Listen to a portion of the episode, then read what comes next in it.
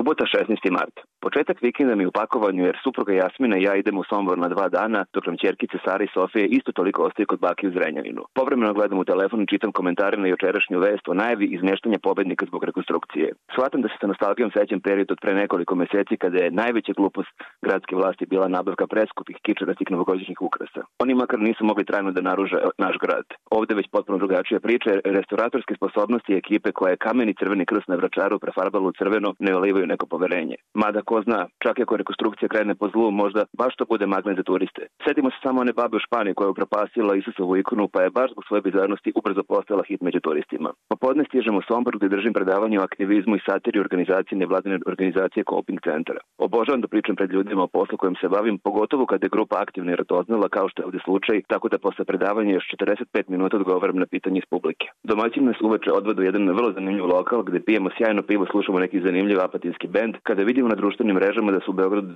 demonstranti upali u RTS i da je policija brutalno intervenisala. Vidim po komentarima i da RTS o tome ništa ne izveštava, urednika Bojoševića masovno prozivaju na Twitteru, što mi je dosta zanimljivo ako se uzme obzir da je svoj vremeno vodio emisiju koja se zvala Nije srpski ćutati. Nedelja 17. mart. U Somboru sam prethodno bio dva puta, ali u oba slučaja na posat dva i radujem se što će konačno imati priliku da ga malo podrobnije obiđem. Pogotovo što moja Jasmina nikad nije bila u ovom gradu, a u nekoliko navrata sam je pričao koliko je Sombor lep. Kao i prethodne večeri ne mogu da se potpunosti pretpustim čarima ovog grada jer su u Beogradu demonstracije sled predsedništva, pa na svaki pola sata gledam u telefon ne bih li se informisao. Istovremeno i sa kolegama iz emisije 24 minuta sam u prepisci jer smo tog dana saznali da nam definitivno ukidaju reprizu emisije. Repriza prethodnog vikenda bila gledanija od premijere zapravo bile najgledanije emisije tog vikenda na O2 i malo nelogično delo je odluka da je ukinu, ali opet nije to ni prva ni poslednja nelogična odluka u ovoj zemlji. Ponedeljak 18. mart. Starija čerkica Sara se malo prehladila, podlučujemo da ne ide u vrtić, što je dovoljno da i mlađa čerkica Sofija pokuša da nas ubedi da je ona bolesna, na silo pokušava da kaše, podlučujemo da i nju poštedimo vrtića. Treba ceniti njenu odlučnost. Dogovorio sam se sa majkom da dođe pričava ih dok sam ja na poslu, a kako ponedjeljkom uglavnom nemamo previše da radimo, odlazim do redakcije samo na 3 sata. Po povratku kući vidim da su đaci filološke gimnazije ispred MUPA u 29. novembra gde protestuju, tražeći da policija slobodi njihovog druga. Društvenim mrežama se šire fotografije đaka koji sede naspram policijskog kordona. Kakav je to mozak koji postavi policijski kordon naspram srednjoškolaca? I to još srednjoškolaca filološke gimnazije gde jedno 80% čine devojke. Da zaboravimo sve što se dešavalo proteklih godina, čak i da ništa ne znamo u Srbiji. Sama scena gde policijski kordon stoji ispred đaka dovoljno je znak da sa tom državom nešto ozbiljno nije u redu. Istovremeno, slika ponosnih đaka koji sede na podu, odlučni da pomognu svom drugu, vraća nadu, ima veću težinu od svih prethodnih protesta zajedno. Utorak 19. mart.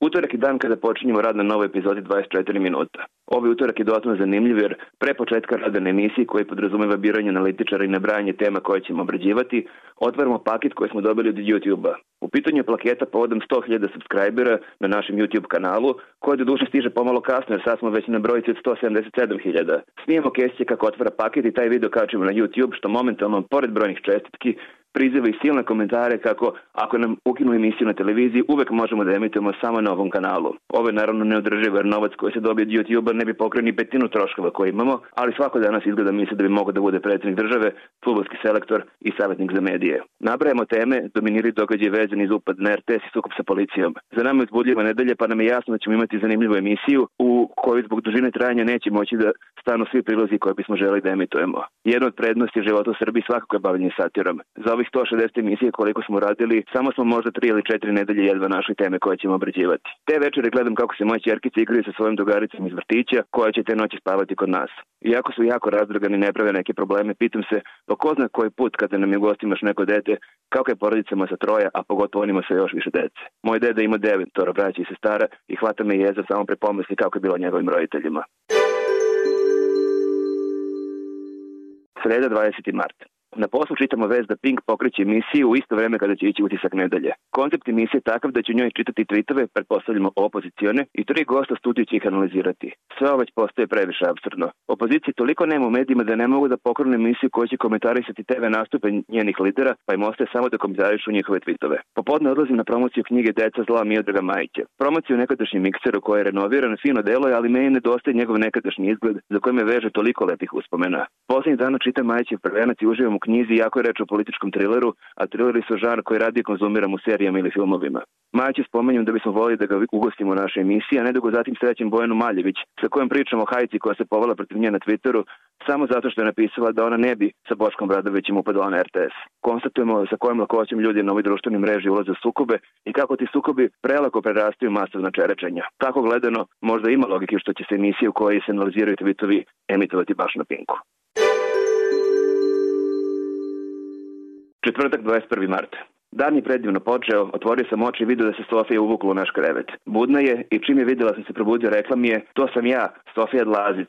Vodim ih u vrtić kao i skoro svakog jutra i knap stižemo pre kraj vremena koje je predviđeno za doručak. Kao i mnogo puta pre, pomislim da bismo sutra mogli da krenemo pet minuta ranije, ali iz nekog razloga kad imaš dvoje male dece, uvek ti fali barem pet minuta. Četvrtak je dan kad imam najviše posla, jer emisiju snimamo petkom podne, tako da do kraja dana moramo da imamo gotov scenario.